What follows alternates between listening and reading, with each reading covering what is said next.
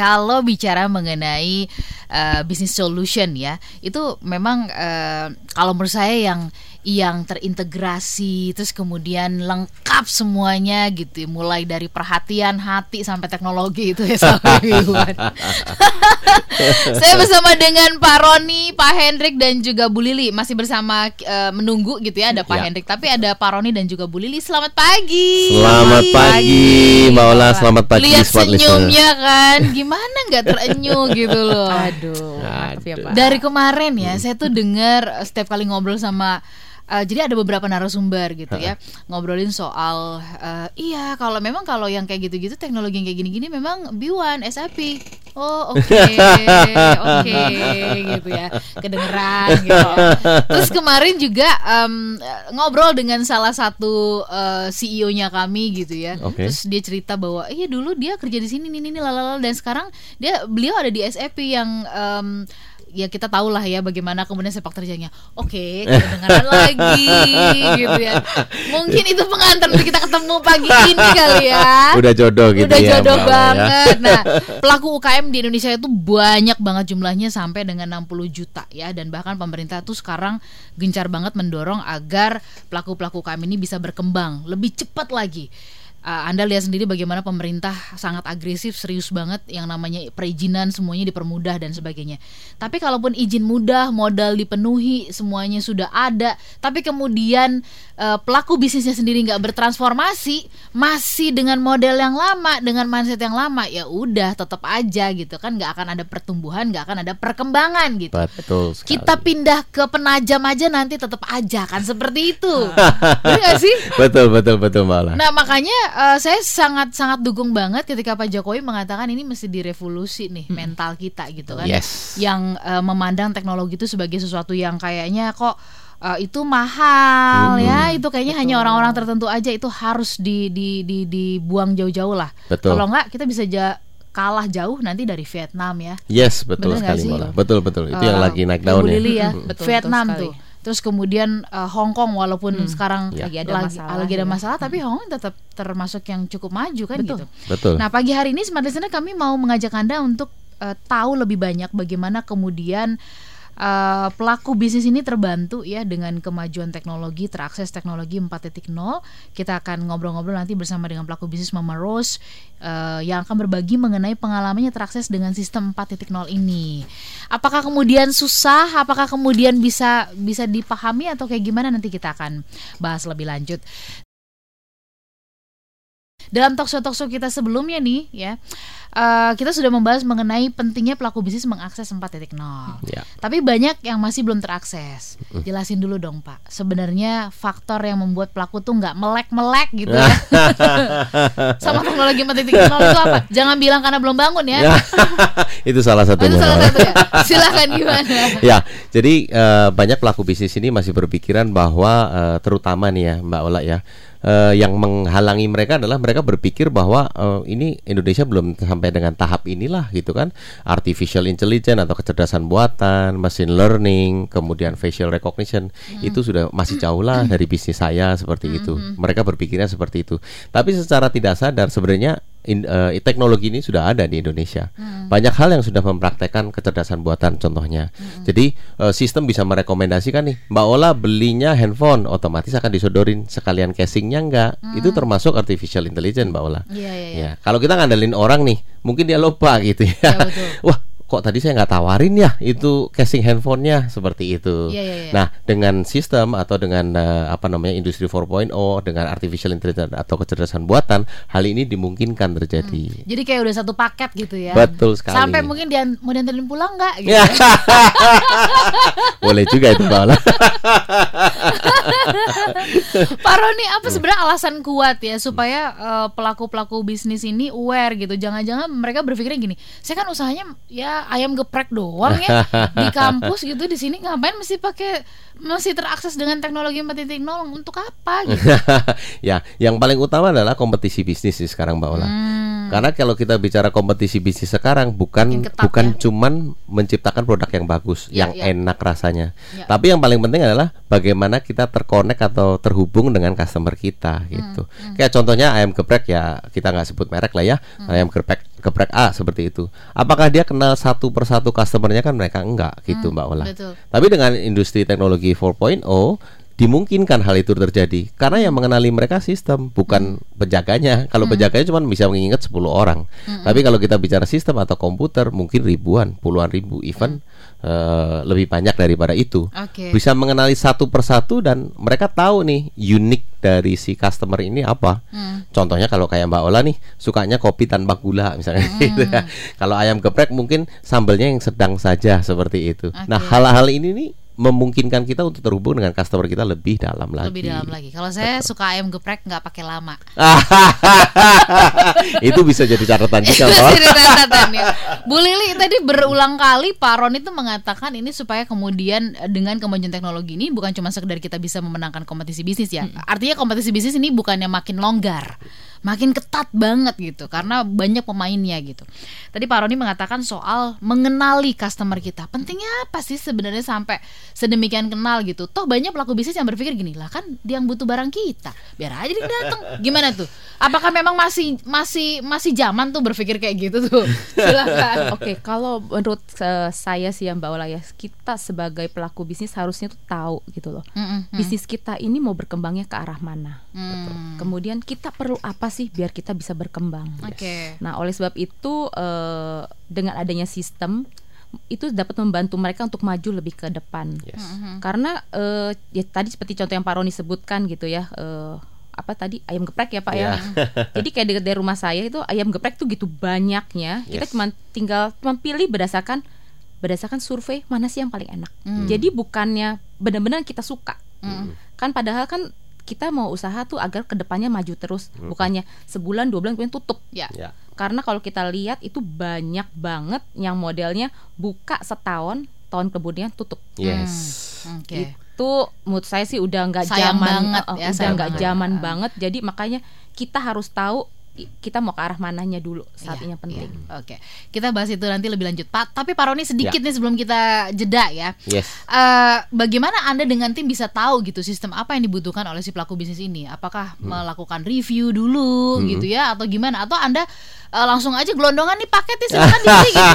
pakai sistem gitu atau memang melakukan uh, kurasi dulu di review dulu atau ya. gimana jadi pastinya mbak Ola kalau untuk kita mengetahui kebutuhan berarti kita harus melakukan assessment namanya ya. atau kita mencari tahu menggali Assess, kebutuhannya ya? seperti okay. apa nah selain itu uh, kita juga sudah berpengalaman di berbagai macam industri contohnya kontraktor food and beverage dan lain sebagainya jadi kita tahu sebenarnya standarisasi yang dibutuhkan untuk di uh, bisnis ini itu apa mm -hmm. selain yang tadi ya teknologi-teknologi atau uniqueness atau contohnya kayak tadi ayam geprek. Ayam geprek saya ini uh, yang disuka itu sambelnya misalkan mm -hmm. gitu kan. Nah selain itu gitu kan. Nah mereka itu dapat uh, apa namanya dibantu oleh sistem uh, mengenai hal-hal tersebut okay. gitu. Belum ada yang jual ayam banting ya. Ah. Mungkin bisa jadi ide yang menarik loh. Oke, sebenarnya kami jeda dulu. Anda punya kesempatan untuk menjawab atau kemudian uh, bukan menjawab ya, tapi berkomentar atau bertanya ya. Anda bisa bertanya apa saja seputar sistem teknologi 4.0 yang bisa mendukung banyak pelaku bisnis UKM di Indonesia bisa semakin berkembang, bisa semakin maju yang kemudian dihadirkan oleh B1 yes. ya. B1 Optima Solution. Smart listener, Anda bisa follow IG B1 di B1 at B1 Solution, subscribe YouTube channel B1 Solution. Kami akan jeda B1 Solution, Solution for, Smart Company. Company. Tetaplah bersama kami. Talk Show SAP Business One Solution for Industry 4.0 segera kembali untuk Anda sahabat yang bergabung saya masih bersama-sama dengan Pak Roni dan juga Bu Lili ini berbincang um, mereka uh, mewakili dari SAP Indonesia dan kemudian PT B1 Optima Solution yes. ya. Nah, uh, kita bicara mengenai pentingnya pelaku-pelaku bisnis ini terakses teknologi 4.0. Yes. Tapi ini ada yang bertanya loh, bener kan yang pernah kita bahas ya. Uh. Ini 4.0 harus kita kejar. Okay. Tapi banyak juga orang yang belum ngeh loh. 1.0, 2.0, 3.0 gitu. Mungkin Pak Roni bisa kasih uh, gambaran besarnya dulu. 4.0 mm. ini bicara tentang apa sih gitu. Mm -mm. Apakah 4.0 ini kalau tadi saya coba lihat ya Bu Lili sangat concern sekali di di, di, di kemajuan teknologi ini uh, touching personal itu ternyata sangat menjadi perhatian. Yes. Pak Roni menajamkan teknologinya gitu. Yeah. Nah, apakah ini memang adalah uh, artinya uh, gabungan keduanya. Monggo Pak Roni. Pastinya ya Mbak Ola ya. Jadi kalau kita bicara uh, kita mungkin bahas teknologi dulu. Tadi kan sempat disinggung 3.0, 4.0. 4.0 ini apa sih gitu kan? Sebenarnya tagline atau uh, kata kunci dari industri 4.0 ini adalah otomatisasi sebenarnya mm -hmm. Mbak Ola. Okay. Jadi pekerjaan yang repetitif, uh, yang berulang-ulang yang bisa dilakukan itu digantikan oleh sistem. Jadi bukan lagi oleh manusia. Manusia lebih ke arah analisa, lebih yang uh, membutuhkan intelijen yang yang tidak bisa dilakukan oleh kecerdasan buatan. Mm -hmm. Jadi kalau untuk mengenalin orang ini bisa dilakukan oleh uh, sistem gitu kan. Mm. Tapi kalau kita bicara analisa yang mendalam kayak contohnya oh oke okay, dengan seperti ini saya akan mau contohnya seperti tadi deh bisnis ayam geprek nih. Mm -hmm. Karena ternyata perpaduannya kayaknya mungkin lagi hype ini adalah menggunakan alpukat misalkan kayak mm. gitu. Ya udah. Nah, Ma itu maaf, sesuatu maaf, ayam geprek pakai alpukat. Jauh ya, Mbak. Oke. Okay. Uh, eh, maksudnya itu ininya komplemennya. Kayaknya habis ini kita sarapan ayam geprek ya. Enak banget nih Mbak Ola. nah, hal-hal itu yang tidak tidak bisa lakukan oleh sistem gitu. Kalau hmm. kita bicara strategi bisnis dan lain sebagainya yang menentukan adalah orang. Hmm. Tapi kalau pekerjaan yang berulang-ulang itu bisa dilakukan oleh sistem atau otomatisasi atau yang kita sebut dengan industri 4.0 ini. Industri 4.0 ya. Oke, okay. Pak Roni. Ya. Jelasin dulu sebenarnya Anda uh, di lapangan tuh ketemunya apa sih gitu mm-hmm. ya kalau ketemu sama pelaku pelaku bisnis uh, eh, UKM UMKM gitu ya dari mm-hmm. berbagai tempat di seluruh Indonesia jujur deh ceritain sebenarnya anda menemukan apa jangan cuma cerita menemukan makanan yang enak-enak loh ya sebenarnya itu yang saya mau ngomong uh, okay. karena Indonesia ini termasuk sesuatu hal yang membuat masakan-masakan saya tasty ya hmm. yaitu sangat-sangat digemari sama orang sih sebenarnya hmm. kayak gitu hmm. nah tapi uh, despite of that maksudnya selain itu hal eh, hal-hal yang kita garis bawain adalah pelaku UMKM terutama ini ya Mbak Ola ya jadi mereka ini masih belum tahu tentang kita nggak bicara industri 4.0 tapi hmm. tentang sistem dulu deh okay. pembukuan misalkan gitu atau kita okay. sebutnya digital transformation di mana semua data kita konversi menjadi digital gitu kan hmm. mereka masih berpikiran bahwa saya masih bisa mengandalkan orang saya masih bisa uh, apa namanya melakukan hal itu sendiri kayak hmm. gitu tapi bayangkan contoh kayak ayam geprek ayam geprek lagi ya Mbak Ola ya, ya mohon maaf lo ya ini clue ya habis ini kita sarapan ayam geprek di studio ya contohnya seperti tadi kalau saya cuma punya satu outlet mungkin saya bisa tongkrongin terus gitu ya Mbak Ola ya. tapi bayangkan saya punya lima outlet 10 outlet even 100 outlet gimana caranya saya bisa menjaga kualitas makanan saya gimana caranya saya bisa menjaga kualitas servis saya nih mm-hmm. makanannya enak tapi servisnya kurang nih mm-hmm. yang yang yang layani kita judes misalkan kayak gitu mm-hmm. itu merupakan bad experience gitu kalau kita nggak langsung tangkap nih orang gitu atau customer ini dia akan kabur gitu okay. dia cuma sesekali aja datang ke counter kita untuk nyoba ya udah that's it gitu rasanya enak sih teman pelayanannya saya kurang suka misalkan seperti itu mm-hmm. itu kendala loh mbak Ola itu banyak ya Pak Roni temukan banyak kayak gitu sekali. gitu ya ya karena kan kalau kita bilang nih ya hampir sekarang ini menjamur semua mau makanan apa minuman bubble let's say begitu ya mm-hmm. terus kemudian uh, ayam geprek tadi mm-hmm. dan lain sebagainya banyak sekali uh, restoran-restoran mereka buka gitu kan tapi nggak lama kemudian mereka buka cabang karena memang mungkin rasanya bisa diterima tapi lama kelamaan kok rasanya jadi aneh ya lama-lama gitu hmm. saya kayaknya makan micin nih let's say contoh oh, kasar oh, oke okay, baik jadi keinginan untuk berekspansi nggak disertai dengan uh, perbaikan betul sistem sekali. ya itu betul. yang kemudian akhirnya merusak pasar jadinya ya betul sekali Mbak memberikan bad experience tadi seperti yes. Pak Roni yeah. kalau Bu Lili menemukan apa di lapangan ada lagi nggak cerita yang lain misalnya gitu mungkin ya tadi karena Pak Roni sudah sempat sebut soal pembukuan gitu hmm. ya ini barangkali yang sering kali ya dianggap ya udahlah kan saya percaya sama kamu gitu ya hmm. tapi kemudian ketika ada kesalahan ya kita stres juga kan nggak percaya sama sama anak buah nggak percaya sama tim dan sebagainya hmm. Bu Lili menemukan ini kayak gimana Oke, okay, uh, eh, yang saya temuin di pasar sebenarnya hampir menyerupai seperti yang Pak Roni temukan sih ya.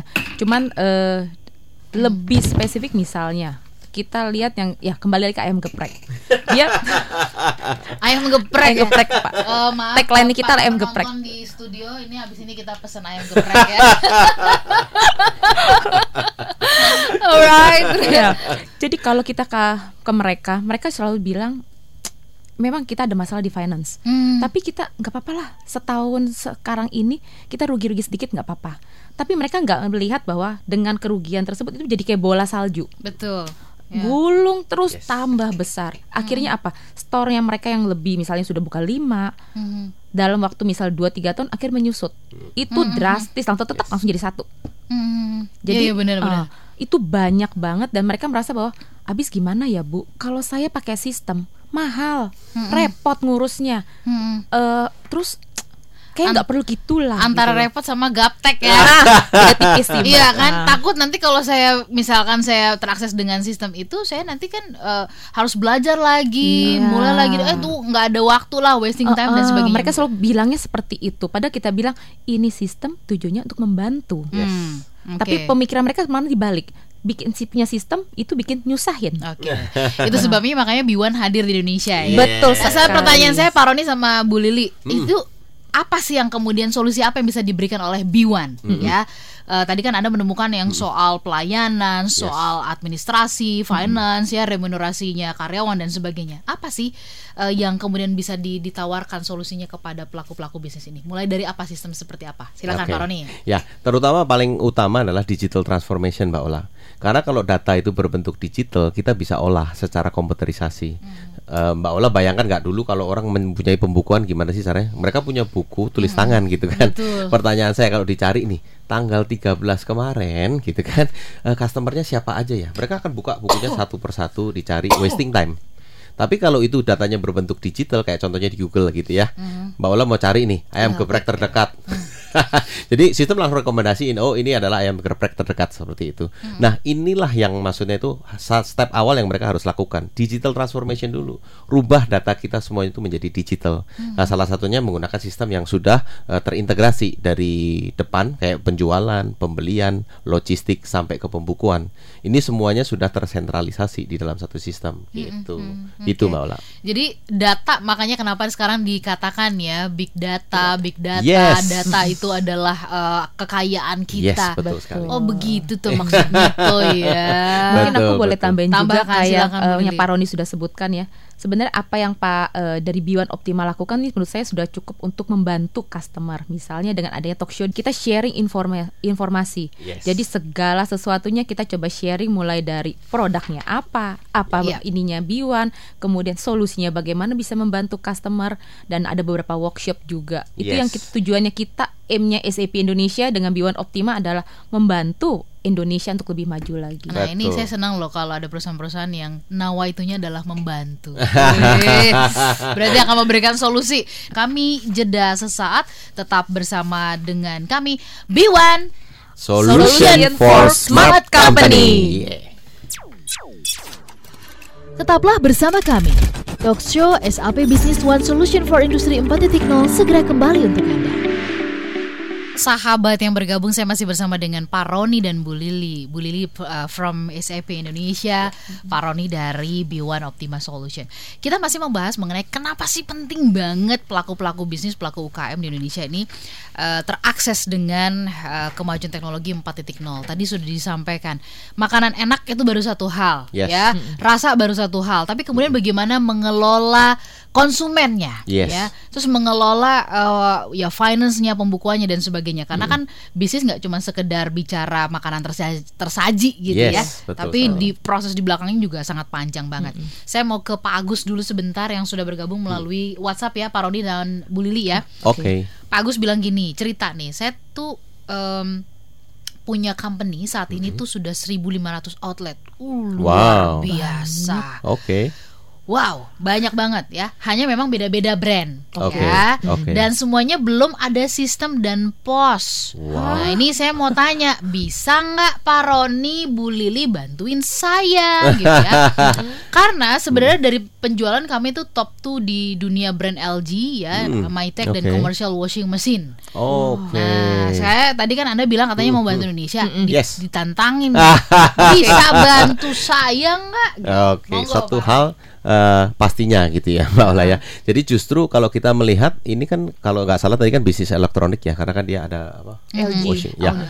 Jadi washing ini kalau bisnis elektronik itu kalau sekarang kan barangnya barang komoditi ini Mbak Ola, bukan yang uh, barang yang uh, istilah kata uh, dengan uh, margin yang bagus sih sebenarnya hmm. kalau yang kita tahu ya. Jadi mereka tuh biasanya berjual dengan uh, menjual kuantiti banyak. Hmm. Nah, otomatis kalau ya? yes, marginnya sih nggak sebesar yang kita bayangkan hmm. gitu kan. Cuman kalau itu 1500 outlet kita bisa bayangkan bagaimana monitoring toolsnya. Hmm. Jangankan monitoring tools, eh, jangankan mengenal customer, monitoring toolsnya dia bagaimana kayak mengelola cash flow-nya dia, menjaga bahwa barangnya tidak eh, bocor dan lain sebagainya, tidak ada toko dalam toko dalam tanda kutip. Hmm, nah, bener, ini bener. gimana caranya dia bisa tahu gitu kan? Nah, salah satunya adalah kalau dia kita bicara sistem gitu kan uh, kita bisa controlling semuanya. Karena sistem itu kaku kalau bisa dibilang. Tentang hal-hal prosedur dia kaku. Mm-mm. contoh misalkan saya sudah setup nih atau rules kita adalah barang yang terjual cuman dalam waktu tujuh hari bisa dikembalikan. Let's say seperti itu kita punya rules. Ya itu kaku seperti itu. Mm-hmm. nah kalau misalkan dia mau paksakan berarti dia harus uh, lari ke eskalasi atau approval ke manajernya ke atasannya dan lain sebagainya. Jadi secara bisnisnya dia lebih terkontrol kontrol di situ. Nah, baru kalau kita bicara secara uh, operational bisnisnya mereka bisa kontrol, mereka baru lari ke yang tadi kita bicara, uh, mereka harus mengenal customernya lebih baik lagi. Mm-hmm. Karena 1.500 outlet, bayangkan berarti customernya ada berapa? Lebih dari itu, jauh lebih dari itu, dan dia harus kenal customernya satu persatu mm-hmm. untuk menjaga bahwa uh, retensi customer ini tetap balik lagi, tetap balik lagi hmm. seperti itu. Okay. Apalagi dia udah menjadi uh, penjual nomor dua di dunia, which is uh, itu memang uh, sudah krusial ya yeah, untuk yeah. membutuhkan sa salah satu sistem. Okay. Gitu. Nanti mungkin tim Biwan akan akan membantu anda memfollow up anda lebih lanjut lah ya. Pastinya. Oke. Okay. Hmm. Kemudian uh, saya ke Pak Alex okay. ya. Hmm. Beliau ini seorang konsultan pajak ini. Hmm. Oh, bagaimana memaksimalkan uh, artificial intelligence dengan biaya yang minim sesuai dengan budget yang kecil. Oke. Okay. Nah, hmm. ini banyak hal yang uh, mungkin pada talk show talk show sebelumnya kita pernah sampaikan ya Mbak Ola ya. Mereka selalu berpikir bahwa artificial intelligence ini sesuatu hal yang barang mahal gitu. Hmm. Tapi mereka nggak menyadari bahwa IoT, artificial intelligence dan lain sebagainya itu semakin sekarang ini semakin mudah dijamah atau maksudnya semakin mudah didapatkan sebenarnya. Mereka nggak nyadar nih kayak contohnya saya punya handphone gitu ya Mbak Ola ya. Okay. Kan sekarang udah banyak kan handphone dengan facial recognition hmm. untuk login gitu iya, kan. Yeah, yeah, yeah, saya nggak perlu ketik-ketik password lagi. Mereka yeah. cukup tunjukin wajahnya aja handphone kebuka. Yeah. Itu sebenarnya sudah AI, itu hmm. udah artificial intelligence. Hmm. Jadi di mana harganya mahal atau enggak Mbak Ola? Ya masih terjangkau, jauh sangat terjangkau. Bagaimana kita cara maksimalkan untuk uh, artificial intelligence ini untuk di bisnis uh, bisnisnya customer kita? Contohnya ini adalah konsultan pajak. Nah, konsultan pajak kan sering meng, meng, meng apa uh, membantu event dari UKM mungkin sampai ke perusahaan besar juga. Betul. Nah, dari sisi situ mungkin secara pajak mereka tahu nih, oh oke okay, improvement ada di sini sini sini sini. Tapi secara perusahaannya sendiri pun uh, mungkin belum uh, mempunyai concern atau perhatian tentang hal itu. Hmm. Nah, kita juga bisa uh, berkolaborasi nih dengan konsultan-konsultan uh, bantu kita untuk hmm. di mana uh, informasi ini bisa menyampai ke pelaku-pelaku bisnis baik okay. itu UKM sampai ke perusahaan besar. Hmm. Begitu Mbak Ola. Wow, berarti uh, kayak Pak Alex ini bahkan bisa menjadi agent ya? Yes, yang minggu, betul yang sekali. minggu kemarin kita bahas Betul, ya. betul Mbak Saya udah daftar dong. Tapi kayaknya nggak diterima deh. Sama Paro, Paro ini sungguh terlalu Pastinya diterima dong Mbak Ola. Ada Pak Daniel di Jakarta Utara. Tanya dong tentang industri 4.0-nya hmm. gitu ya. Apakah penerapan teknologi uh, industri 4.0 ini harus dengan robot ya? Hmm. Dan artificial artificial intelligence atau cukup SOP yang lebih terstruktur. Nah, ini mungkin harus dibongkar juga atau dijelaskan lebih lanjut. Monggo Bu Lili atau Pak Roni, silakan. Bu Lili dulu dari sisi sistem. Oke, Bu Lili, monggo. Iya, uh, sorry, saya jadi agak blur gitu. Bisa diulang Mbak Ola? Agak agak blur dikit nih Mbak Ola. Apakah penerapan industri 4.0 itu harus dengan robot atau artificial intelligence atau cukup oh, SOP-nya okay. saja yang lebih terstruktur? Oke. Okay. Sebenarnya sih Mbak kalau dibilang apakah perlu robot, kalau di dunia luar mungkin sudah menggunakan itu. Tapi hmm. untuk Indonesia menurut saya tahap itu kita akan ke arah sana. Tapi saat ini mungkin kita by sistemnya dahulu. Hmm. Jadi kita perlu basicnya kita perkuat. Hmm. Nanti nextnya biar misalnya mau menggunakan robotik dan lain itu akan lebih mudah. Yes. Tapi basicnya itu yang kita pentingkan itu adalah mengenai apa sistem itu uh, prosesnya yang harus kita tahuin. Hmm. Jadi kita membantu proses mereka secara basic nextnya tinggal mereka ke atasnya akan lebih mudah. Transformasi ya. digital tadi seperti yang sampai oleh Pak Roni. Ya. Pak Roni mungkin bisa tambahkan sebelum kita jeda? Ya, jadi kan yang tadi ditanyakan adalah uh, robot atau AI gitu maksudnya dia ataukah uh, itu cukup kita memperbaiki prosedur saja gitu kan. Kalau kita bicara prosedur betul, ini mandatori itu sekarang. Prosedur itu salah satu gitu ya. Yes, betul. Hmm. Tapi uh, kita nggak cukup cuman memperbaiki prosedur saja. Kenapa hmm. sih kita butuh artificial intelligence gitu kan? Seperti yang tadi uh, kalau kita secara prosedurnya bagus, tapi kita nggak bisa engage dengan customernya kita. Contohnya misalkan pelayanan saya bagus, ayam geprek ya Mbak Ola. Hmm, okay. ayam geprek pelayanannya bagus, uh, apa namanya uh, produknya mungkin saat itu lagi hype gitu ya. Tapi ternyata tiga bulan lagi uh, ayam geprek ini sudah mulai bukan tren gitu. Hmm, hmm. Kalau dia tidak bisa mengenali hal tersebut, kayak contohnya dia nggak bisa melihat tren pasar dan lain sebagainya, di mana sistem bisa melihat, oh oke okay, ini uh, secara proyeksinya ternyata penjualan ayam geprek ini lama kelamaan dia turun. Mm-hmm. Berarti kita harus berinovasi terhadap ayam geprek tadi gitu. Menu saya bukan cuman itu. Mungkin saya akan eskalasi ke hal-hal yang lebih lagi, yang lebih bagus lagi, yang lebih menarik lagi. Nah, sehingga saya tidak uh, kehilangan loyal customer saya. Mm-hmm. Jadi satu hal uh, prosedur itu bagus untuk secara internal kita sehingga berjalan dengan efektif, tapi engage dengan customer kita harus membutuhkan artificial intelligence tadi okay. atau kecerdasan buatan. Oke, okay, jadi um, uh, artinya yang Biwan uh, hadirkan atau siapkan itu adalah solusi supaya kemudian ini bukan cuma sekedar perangkat uh, kerasnya gitu ya, iya. tapi kemudian juga bagaimana basicnya, ya. basicnya saja, tapi kemudian ini terintegrasi secara Betul. keseluruhannya Satu dalam proses dalam proses bisnis itu supaya lebih maksimal. Betul. Ya. Jadi secara pro, uh, operational bisnis kita optimalkan, okay. tapi engage dengan customer pun kita tambahkan oh. untuk menambah profit. Bahkan, bahkan itu yang kemudian menjadi apa ya? Artinya yang perlu dikejar ya. Yes, betul, betul kompetisinya makan geprek ayam geprek itu memang enak tapi akan jauh lebih sehat kalau kita minumnya jus memerus yes. ya. Nanti kita akan bahas ini tentang jus memerus ya. Sudah bersama-sama dengan kita ada Pak Hendrik. Selamat pagi Pak Hendrik. Selamat pagi Ibu okay. selamat pagi untuk teman-teman pendengar semua dan Pak Roni selamat pagi. Oke okay, yes, nanti kita pagi, kita kita bercerita di sesi yang terakhir ya. Kita akan belajar sesuatu dari jus memerus. Kami jeda tetap bersama kami. Yes Tetaplah bersama kami. Talk Show SAP Business One Solution for Industry 4.0 segera kembali untuk Anda. Saya masih berbincang uh, bersama-sama dengan ketiga narasumber kami ya. Akhirnya Pak Hendrik uh, hadir di studio bicara mengenai B1. B1 adalah solution for smart company. Jadi kalau Anda ingin tumbuh berkembang menjadi smart company ya solusinya adalah anda harus uh, bergandengan tangan gitu ya dengan Biwan. Begitu ya Pak Roni sama Bu Lili. nah, sudah hadir bersama-sama dengan kita ada Pak Hendrik ya, yes. ya uh, dari Mama Rose Juice. Selamat pagi. Selamat pagi Bola. Coba pagi ini Bapak sudah minum jus apa? jus sayuran. Jus sayuran. Ini harusnya ini eh, smart listener dibawain jus ini. next time ya, next time ya. Pak Hendrik bicara mengenai uh, pelaku bisnis UKM dan sebagainya.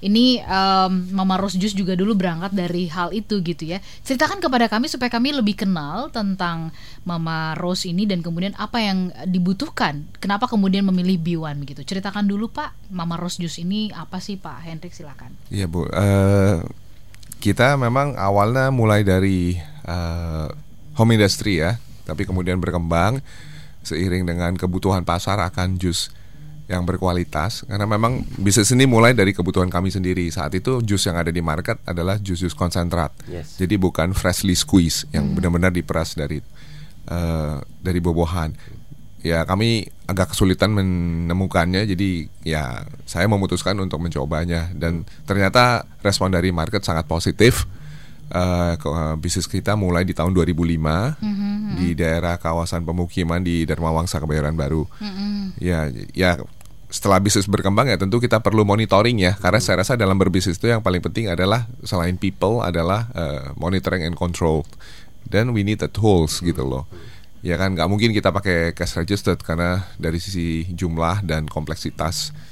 Karena ini melibatkan production, distribution, and marketing. Dan makanya kami putuskan untuk mencari sistem yang uh, bisa menjawab kebutuhan yang cukup uh, kompleks itu. Dan memang dari awalnya kita sudah uh, memikirkan uh, ERP ya hmm. uh, uh, ERP software. Tapi ya memang saat itu memang belum terpikir. Sampai akhirnya saya bertemu dengan Pak Roni dan beliau memang uh, sangat tanggap dan sangat helpful. ya, uh, ya, jadi uh, kemudian kami memutuskan untuk dengan B1 karena terus terang uh, vendor-vendor SAP yang lain juga kami juga uh, bertemu lah. Tapi memang uh, akhirnya kita jatuh cinta dengan B1 wow, B1 ya. Dahsyat loh. Ini ada timnya saya nanti konfirmasi bener nggak sih oke okay, tapi Pak Hendrik gini. Uh, ketika tadi Anda mengatakan uh, ini berarti benar-benar kehadiran jus ini tuh karena melihat um, juga kebutuhan pasar akan jus yang benar-benar jus ya. Jadi bukan cuma sekedar konsentrat doang itu semakin tinggi. Berarti kesadaran akan hidup sehat itu berarti makin bagus ya makin ke sininya ya. Iya, uh, kita lihat Bu waktu itu kita mulai 2005 memang kebutuhan akan uh, produk atau uh, eh, FN minuman yang sehatan belum terlalu uh, happening seperti happening sekarang. Seperti ya? sekarang. Tapi hmm. kan kita lihat sebenarnya Mama Rose itu kan di launch karena tiga tren yang saya lihat. Satu okay. adalah suami istri sibuk nggak ada waktu, mereka okay. mencari sesuatu produk yang cepat, instan, convenient seperti mungkin take away food, mesin cuci, microwave, hmm. ya kan? Semuanya Terus yang mesin. semuanya ya save time selalu ya, hmm. times become more valuables. Terus yang kedua adalah konsumen juga makin sadar akan kesehatan. Jadi kita lihat fitness center booming, hmm. terus makanan organik juga makin diminati, hmm. ya kan? Uh, terus juga mungkin vitamin suplemen penjualan juga terus uh, menanjak. Dan tren yang ketiga adalah uh, trading up.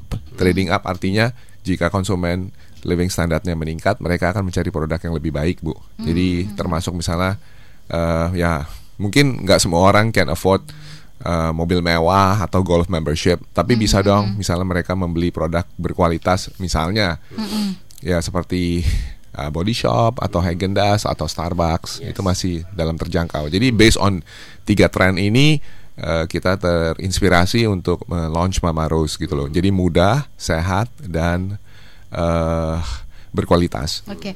dalam perjalanan Anda membangun bisnis gitu ya bersama dengan keluarga, ini challenge apa yang dihadapi di di lapangan? Selain tadi oke okay, akhirnya menyadari bahwa monitoring ya, ngecek apa kemudian jus ini semua formulanya tepat, artinya kualitas tetap terjaga apalagi mungkin yang bisa di, di, di share dari sisi challenge? Ya saya rasa sih challenge yang paling utama adalah monitoring ya Bu ya, hmm. bagaimana kita memastikan produk kita dijual itu sampai ke tangan konsumen. Hmm. Terus kita mesti lihat dari sisi back office-nya, dari sisi logistiknya, uh, trackingnya, dan itu semua harus ya kita ya ideally uh, kita harus bisa memonitor uh, setiap botol yang keluar dari pabrik, ya kan. Kemudian juga dari sisi pembayaran, pencatatan, pengiriman ya kan? Eh, surat jalan hal-hal yang hmm. bersifat administratif ya kan? Itu tidak mungkin sih bu kalau misalnya kita lakukan dengan manual. Mm-hmm. ya kan? kita we need system and we need ERP karena ERP itu mengconnect uh, seluruh kegiatan produksi kita bu. Dari purchasing